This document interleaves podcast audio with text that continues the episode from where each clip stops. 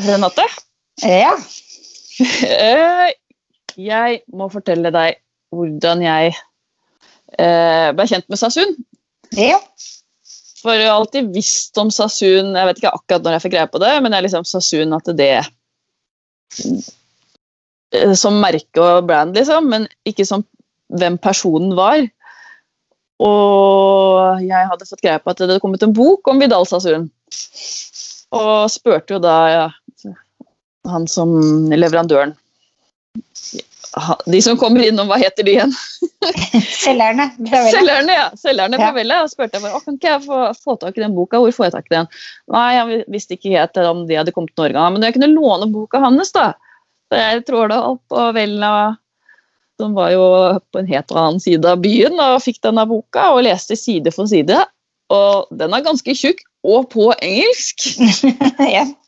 Og da ble jeg så fascinert av historien hans, og etter det så har jeg liksom fulgt Shasun på en helt annen måte. liksom. Det, jeg syns han er fantastisk og så sjen- sjenerøs og gavmild med sin kunnskap. Han er bare en kjempefascinerende person. Mm. Du har sett filmen òg? Ja, ja, of course. Det, var Ja. det andre jeg gjorde etter det, var å kjøpe filmen og se filmen òg. Og Mm. den har jeg sett mange ganger. Ja, nei, du har gjort- Du har sett den, du òg? Mange ganger.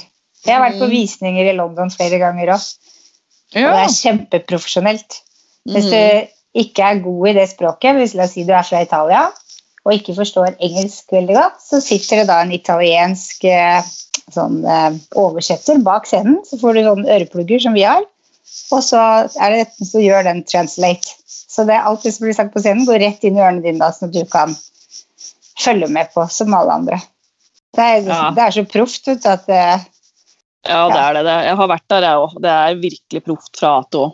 Det, mm.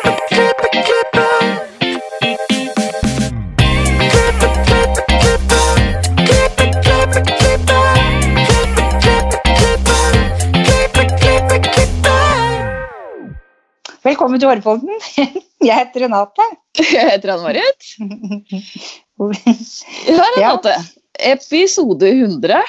Ja, det er helt vilt. Det er helt vilt. ja. Hvem skulle trodd? Ja, jeg trodde det egentlig, for hvis du først bestemmer oss for noe, så er det ustoppelig. Ja. Ja, men 100 er likevel mange episoder, liksom. ja. ja. Jeg føler meg virkelig, virkelig takknemlig for at vi får lov til å holde på med dette, og at vi har fått så mange spennende, inspirerende gjester. 100 stykk. Ja. ja, det er helt vilt. Altså, Ja. Det er helt vilt. Supertakknemlig til alle. Og selvfølgelig lytterne Ja. følger oss. Og du, du gjorde noe ganske morsomt her for en liten stund siden. Kan du fortelle om det? Tenker du på meldinga? Ja, jeg tenker selvsagt. Tenker du på meldinga? Ja, fordi jeg tenkte jo episode 100, det må jo være noe som er litt spesielt. Så jeg sendte melding på Instagrammen til ingen ringere enn Mark Case. Og tenkte det verste fall, jeg får vel bare ikke noe svar. Men han svarte innen timen og takka ja. Det er jo helt fantastisk. Det, og i dag har vi han med oss på Skype. Jeg, jeg, ja, jeg er helt blown away. Det er fantastisk. Jeg tror du, tror du levde på en sky den uka etter. Og det er så sant. Ja, det er veldig gøy. Ja. ja. Du er fornøyd? Du er happy? Absolutt. Ja. Så da hopper jeg bare i det, da. Today's guest is a big star for hairdressers. He's an international creative director for Sassoon. We are so excited to have you on Hårpodden. Welcome to us, Mark Hayes.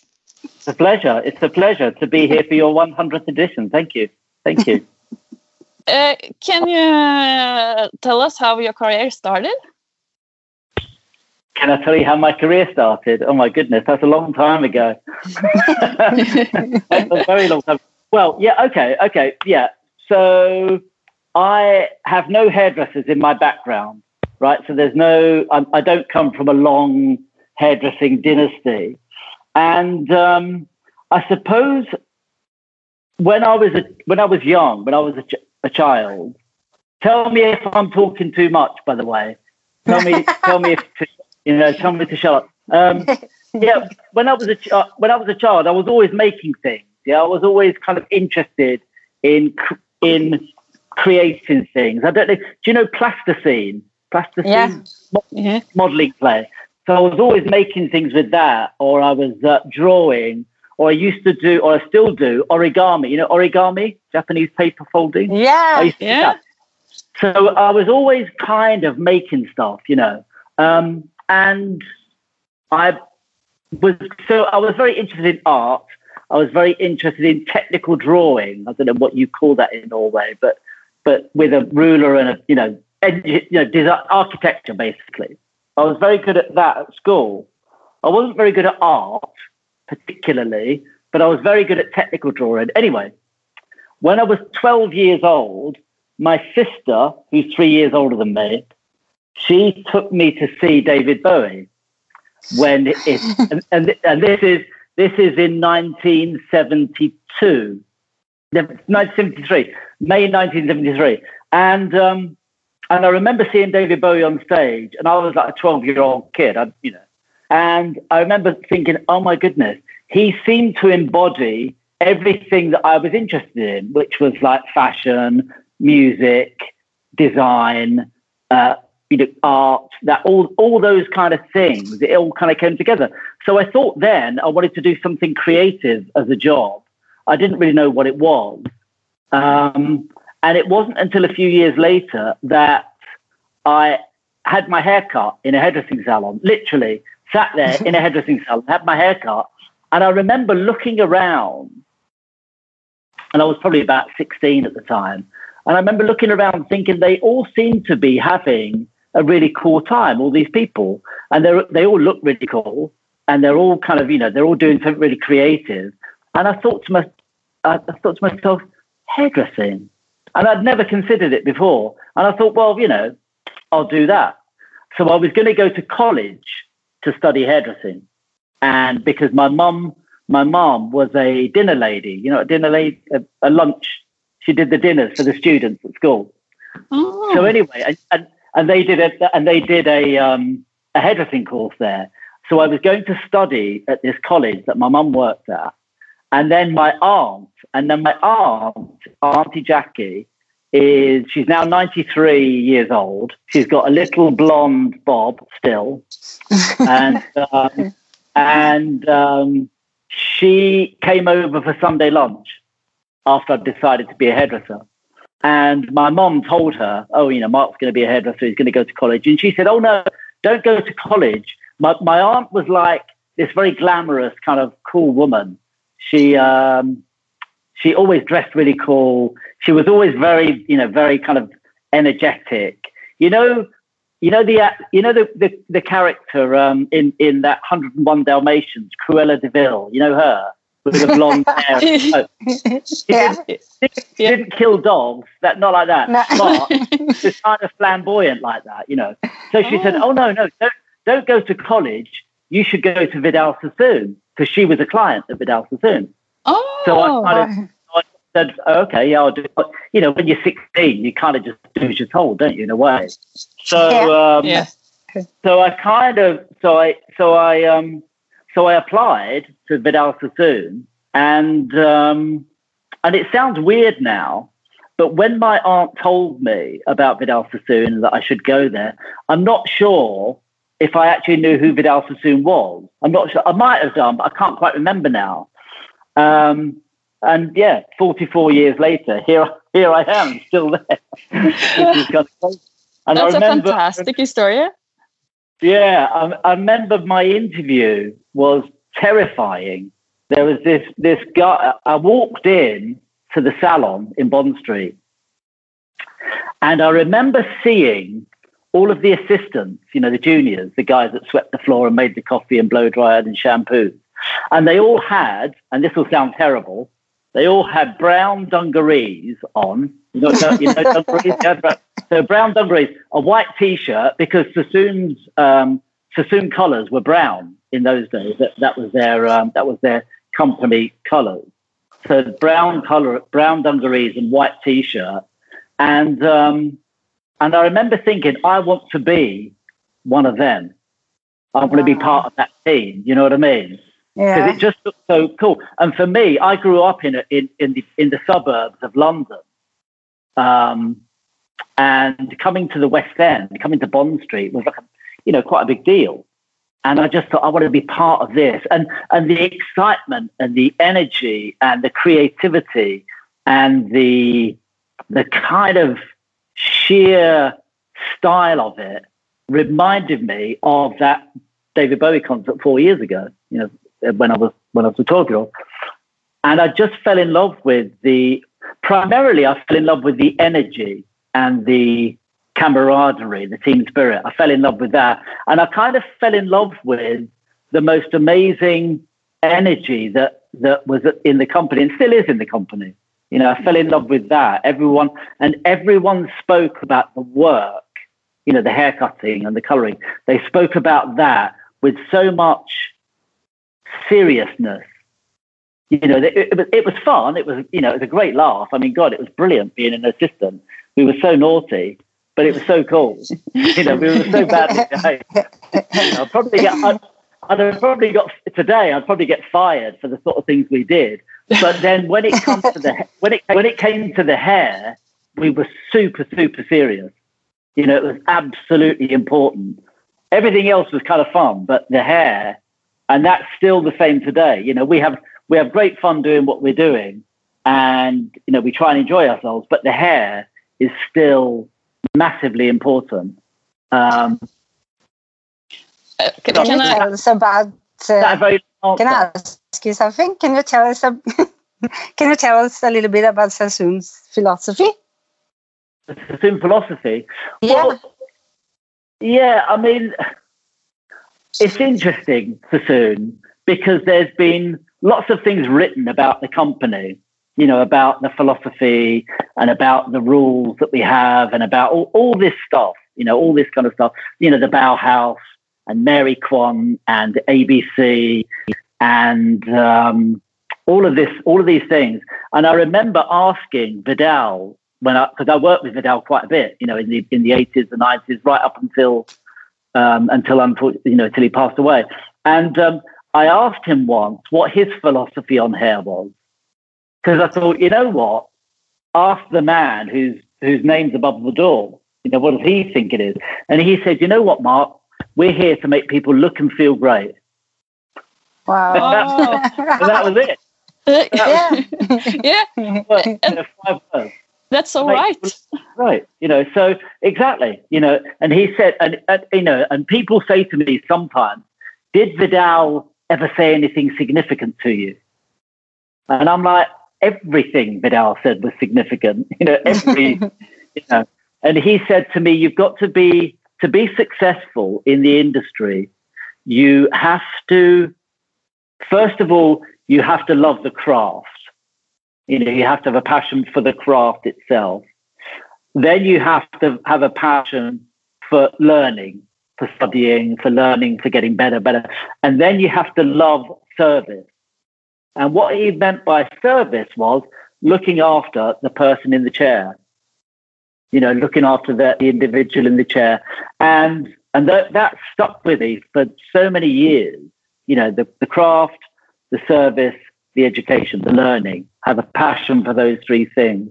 And I think when people talk to me about what makes you know they what what makes you successful what makes a successful hairdresser i i always think that it's not necessarily and this is going to sound quite controversial i don't mean to but i think it's true in my experience you know over five, i've been in the industry now 70s 80s 90s noughties 10s 20 six decades. God that's scary. Oh, six decades. Do you think, think i should stop? Maybe I should stop. No, no. no, no. and, um, and I think what sets the great hairdressers apart, what makes them great, is that it's not necessarily their ability to cut hair, although obviously they're good, but it, that's not what it is. And it's not necessarily how creative, how imaginative they are, although they are that as well.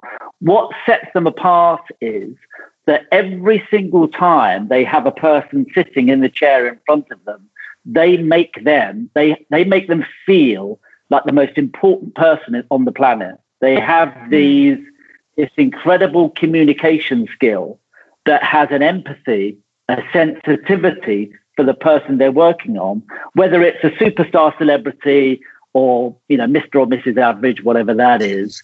They connect with them in a very real way. And I think that's what makes people successful. And I think that's essentially what Sassoon is about. We have a method of working with hair that is based on a geometric approach. You know, it's based on the idea of dividing the head into very clean sections and cutting very clean lines, whether it's external or internal, in order to create any shape you want. You can create any, you know, it doesn't, you know, it doesn't have, people have this misconception that Sassoon hair has to be that. Yeah. It doesn't mm. at all. It doesn't at all. Obviously, it can be, it can be that, but it doesn't have to be that. It can be anything. And I think, I believe that the way we work with hair is to make things easy for the person in the chair. You know, mm. that's because people, because to be honest, in the 60s, it was about, you know, a look, it was about the line, it was about ge- geometry, because that's what Vidal was into. You know, he mm. was into this kind of geometric look, and his team were into it as well. And they did these little geometric haircuts, and they were absolutely appropriate for the 60s. Absolutely perfect. You know, you can't imagine the 60s without a little kind of geometric no. haircut. Oh, no. And then in the 70s, it became about perms. And then the 80s, obviously, the color explosion. And the 90s and the noughties are all, are all kind of amalgamation of, that, of those, those original decades. And I think today, people want really easy hair, whatever, whatever it is, you know, whoever they are. What doesn't matter what they want it to look like, they want it to be easy to do. Do you know what I mean? Whether whether it's the most extreme shape or the most, you know, kind of normal haircut. And I think Sassoon's method makes things easy because no one comes into the salon and says, "Can you give me something really complicated, something that's going to take hours to do every day?" Yeah, no one. No, no, no. Everyone says, you know, oh, I don't mind what it is, but I just want it to be easy for me to do. I want it to suit me, you know, and and I think that's the essence of what Sassoon is, because we he wanted to liberate people from having this stiff, rock hard kind of hair. And the and the manifestation of that today is we have such a technical expertise that we can kind of make hair do what we want it to do with just a comb, a scissors, a very simple blow dry, and that's it. That's Sassoon, you know, that's the Sassoon philosophy, I would say. And of course, the Bauhaus and, you know, their whole philosophy and the ABC methods are all part of that methodology. But the end result should just look like a beautiful haircut or color and color that suits the individual, you know. Mm. Mm. Exactly. Uh, you know. But, uh, the, so Vidal Sassoon you knew him very well. How was it working? Well, yeah, him? yeah. What What was it like? Yeah. it's bloody terrifying. No, it was. no, no. I tell you what. No, I tell you, I was very lucky because when I started at Sassoon, I'd probably been there about two months, and um, probably uh, not even that, a couple of months or two months. And um, I remember Vidal was taking a tour of the UK salons. And um, he asked to meet all of the London assistants. He asked to meet the London assistants. So we all went to the academy after work to, to meet with Vidal. And um, he walked into the room. We were all sat there, about 40 of us, all waiting in our little dungarees and t shirts. Yeah. And uh, Vidal walked in and um, he stopped he looked like a movie star. You know, he was tanned, he was super fit. He was obviously he was dressed impec- impeccably, and um, he looked, stopped. He looked around the room at all of us, came and sat down, like literally in amongst the whole lot of us. He looked around, Paul smiled, and said, "Ah, now I get to talk to the important people." And for him, for this superstar hairdresser, to tell the guys who were, you know, who were the guys who swept the floor and made the coffee, and you know, for him to say that we were the most important people was uh, it kind of chokes me now actually. Um, was amazing because you know there's this, and I remember going home that night thinking, oh my goodness, somehow I've ended up at this incredible place with this incredible man who everyone thinks is like this kind of god. Um, and I've somehow ended up working there, which was fantastic. And then, and then the next time, the next time I met Vidal was in Australia. We were in Australia doing a hair show, uh, well, a hair event actually for three weeks. I was in, I was going to be with Vidal for three weeks in Australia on my own doing wow. We were do, because we were launching the um, we were launching the um, products in Australia and New Zealand. So I was I was there with Vidal to, to do models and to do because Vidal didn't cut hair by then. This is like the mid eighties. So anyway, I um, I had to meet Vidal, and uh, I went up. I, he arrived, and his PR. Oh, Vidal, Vidal wants to meet you. Can you go to his room? So I went up the, in the hotel to this suite at the top of the thing, and I remember knocking on the door. It's so embarrassing. and he opened the, he opened the door and said, "Oh, you must be Mark." And in that moment, I couldn't think of anything to say. I was like so nervous. So I just said, "You must." I said, "You must be Vidal." was like, "What? Of course it's Vidal."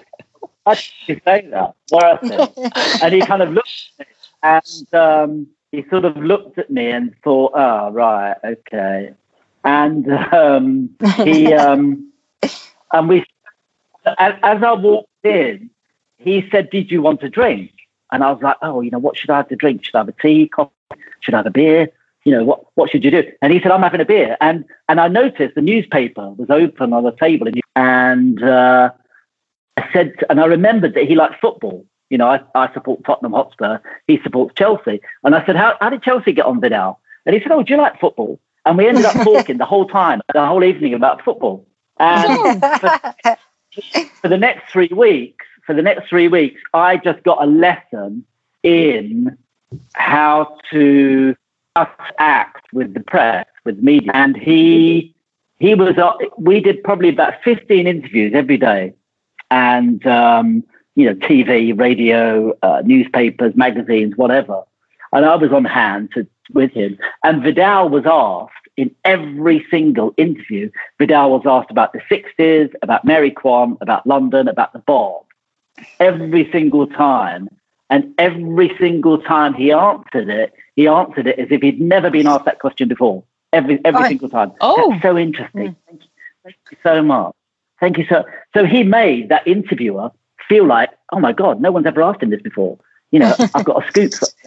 So he made them. You know, so he had this incredible communication skill.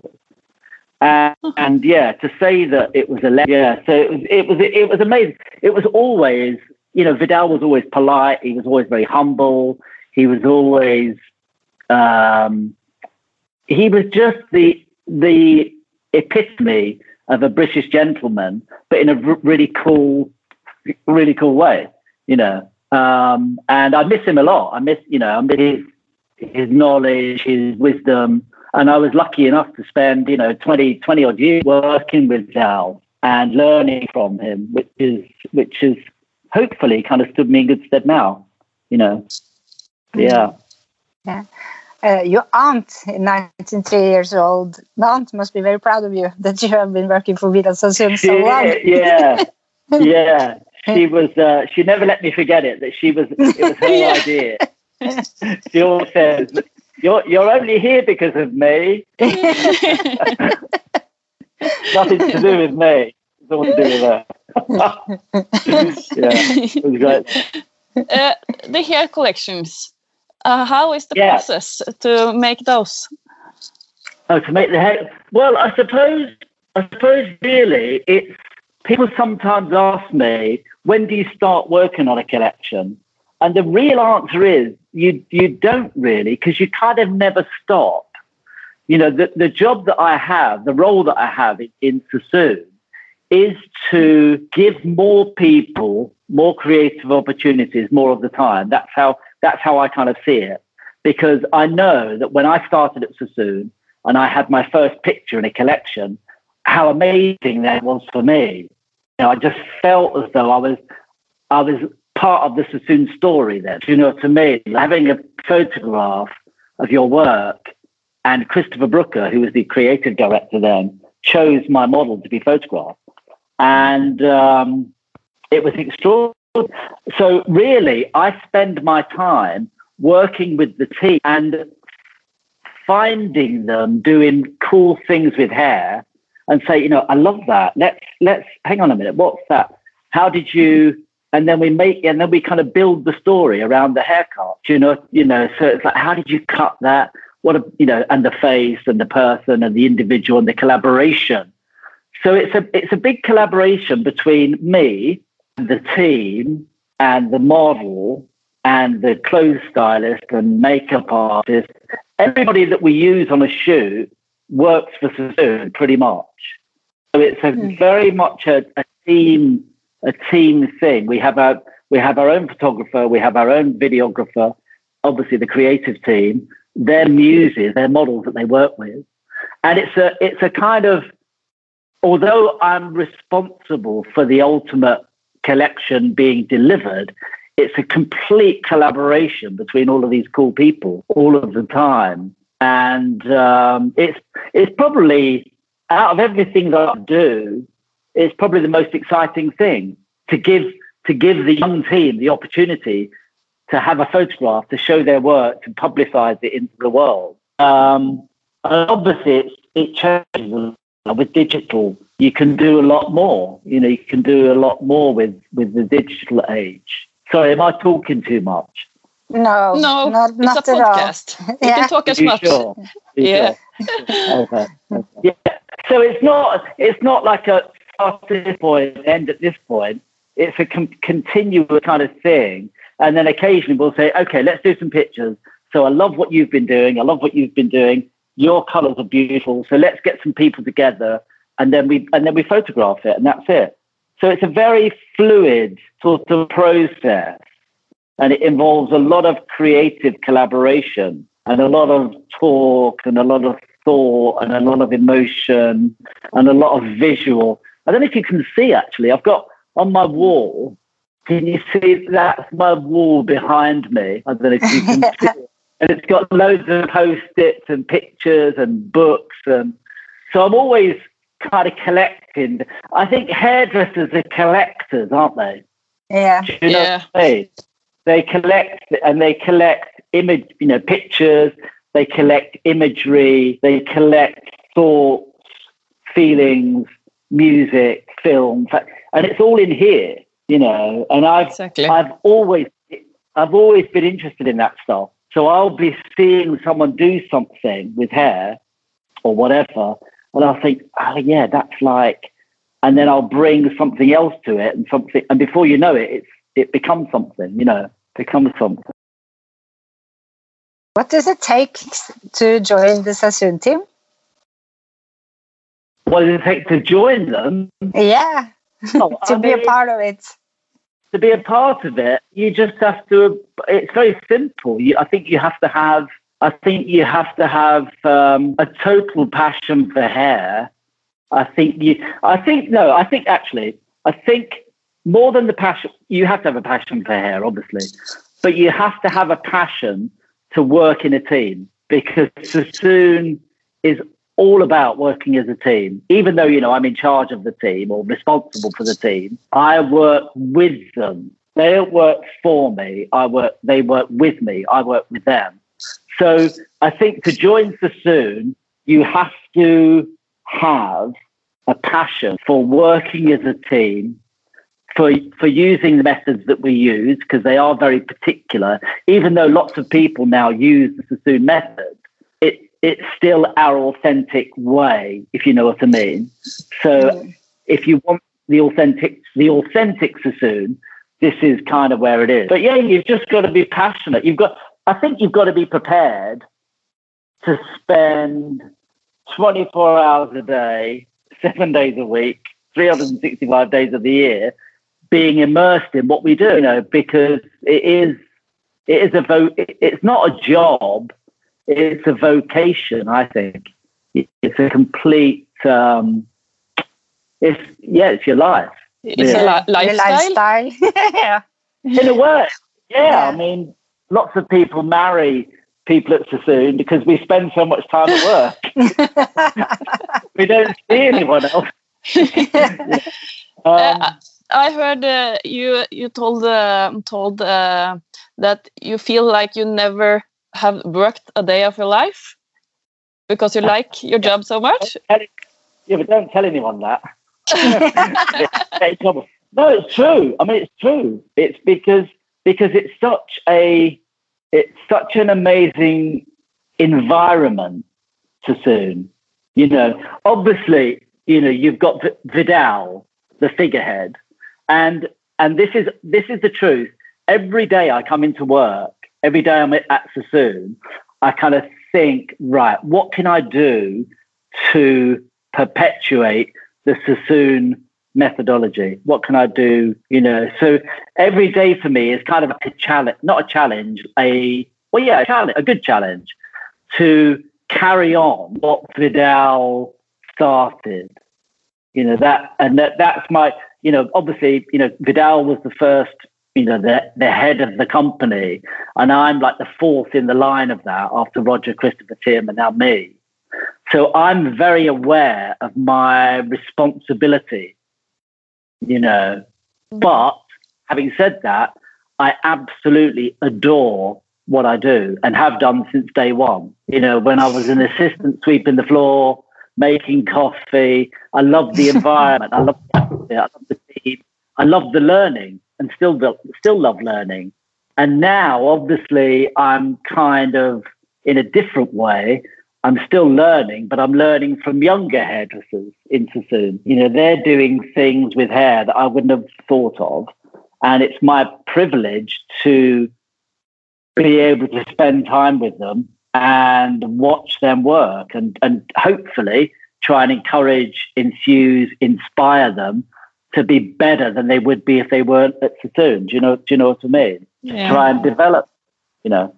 Um, it's it's it's super fun, you know. It's, so yeah, so in that case, uh, Anne Marie, I suppose yeah, so I suppose I haven't really worked because because a lot of people have a job that they don't enjoy. They just do it because it pays the bills, and uh, that's so sad. And I always, my children, you know, my children now, I say to them, um, you know, whatever you do, I don't mind what you do as a profession. Find something you love because you work for a long time, you know, 40, 50 years or whatever. So find something you love and you'll never feel like you've worked a day in your life because it'll be fun. Um, Mm. Jamie is now, Jamie, my son, is now a barber. Um, and Lucy works at, Mm. yeah, yeah, he, he does men's hair. Jamie, Jamie James Hayes on, uh, That's so cool. on, uh, yeah, he's a bar, he does men's hair. He's really good actually. He cut my hair. nice.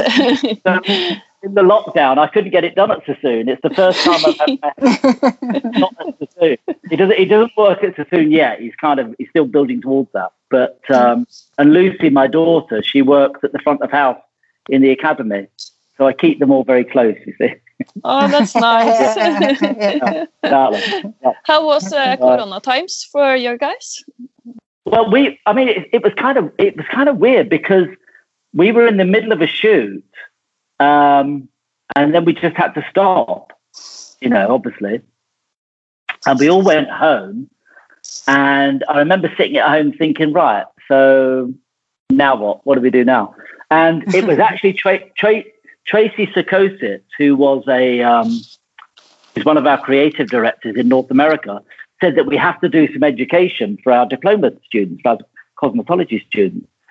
So we set up Sassoon Online, and um, Sassoon Online we did, we pretty much did that every day for the whole period of lockdown. It was from March until, well, pretty much about two, about a month ago. Um, we were doing online education. And I really believe that obviously you you know you've got your podcast and and stuff. I really believe that online education is going to be. I don't think it's going to take over from physical one to one, but I, I think no, I don't, and I don't think it will. But I think enable to reach a big number of people, or, or where distance is an issue, or cost, or travel, or that sort of stuff. I think it makes things accessible, and I think it's it's such a and in a way, in a way, you know, Vidal always used to want his legacy. When he was asked what was most important to him, he said education. You know, education was the most important thing. That was that was what he wanted his legacy to be. And I think with Sassoon Online, um, it's kind of fulfilling Vidal's original vision, which was to share his technique with, with as many people as possible you know mm. so mm. so in yeah so during that time that's what i was i was working all my family were out in the garden like this and you were in there and uh, working cutting hair teaching yeah with a computer yeah. and with a you know but, oh, yeah okay. if you could change anything in the hairdressing world what would it be I could change anything. Um, yeah. Don't think I'd change. No, I think what I would change relates to your question, Amber, about the um, co- about the COVID situation.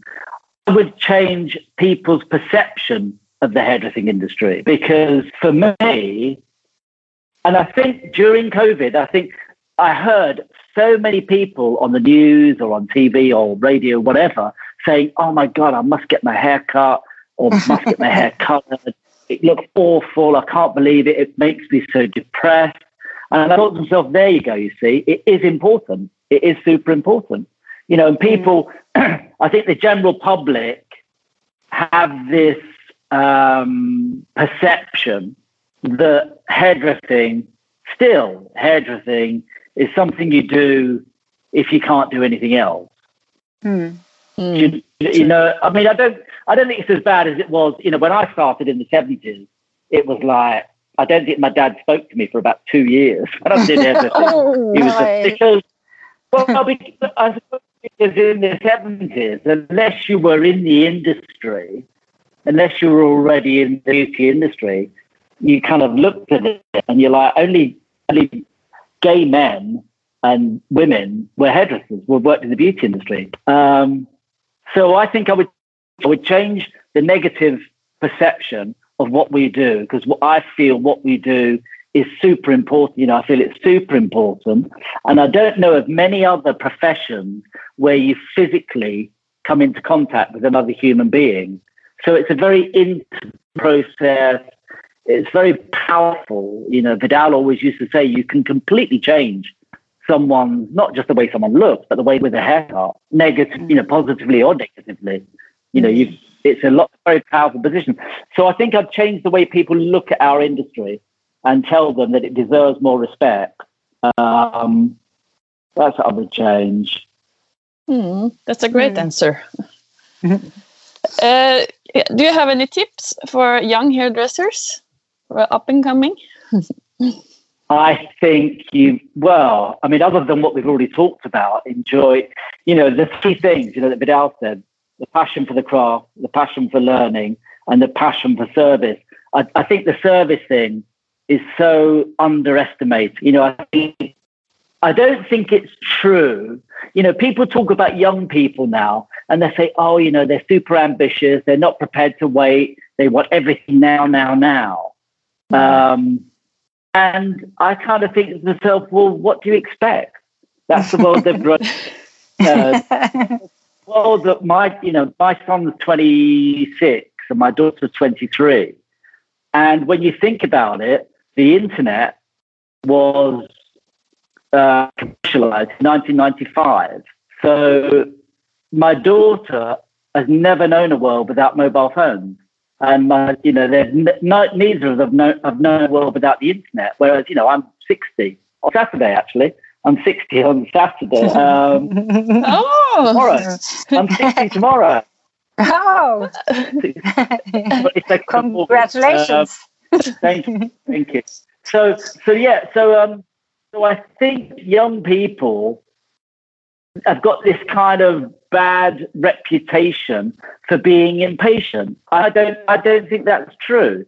I No. just think they, I think what they want is authenticity, and I think they want honesty, and I think they want integrity, and I think they want the truth.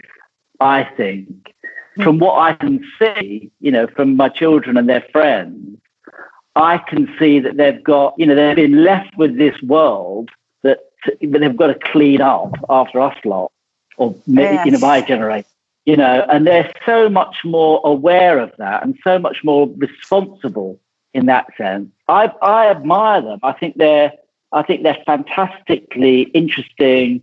I think they have this incredible opportunity provided by things like the internet to communicate with the with the world. You know, they Mm. they see their their lives as being part of the world, not just being part of a city or a country or a place. Their horizons are literally boundless, you know.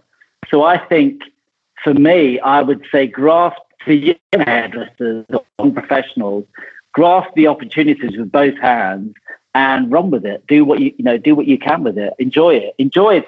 Enjoy yourself. Really is, is what I would say, because um, you know it, it, to enjoy your career is so fulfilling. You know, and to make it part of who you are.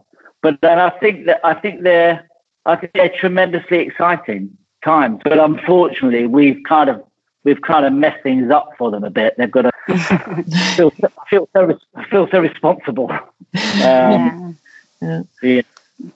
I couldn't be more agree. we have some regular questions I'm going to ask you.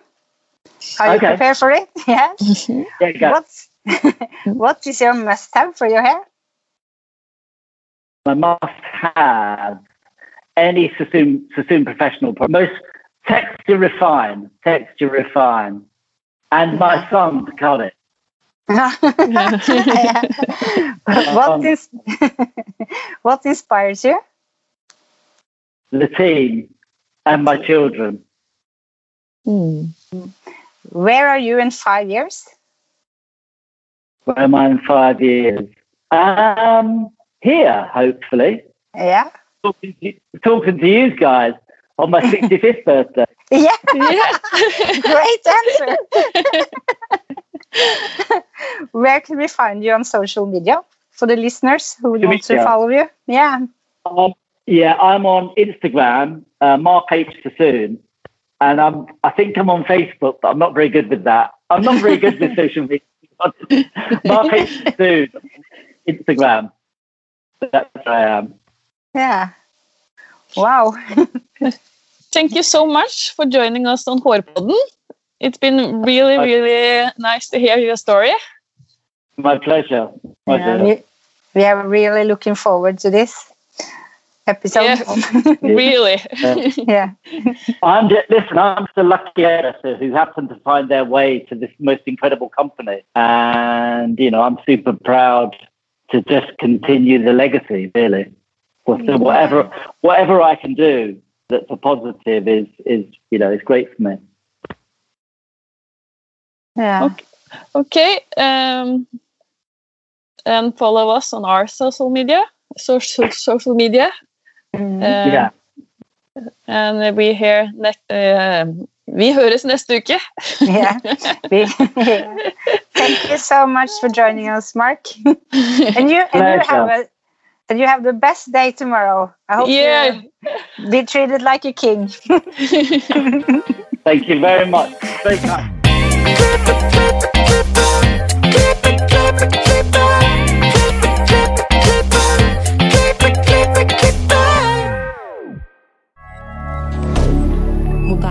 Media. Har du et enkeltpersonforetak eller en liten bedrift? Da er du sikkert lei av å høre meg snakke om hvor enkelt det er med kvitteringer og bilag i fiken, så vi eh, gir oss her, vi. Fordi vi liker enkelt. Fiken superenkelt regnskap.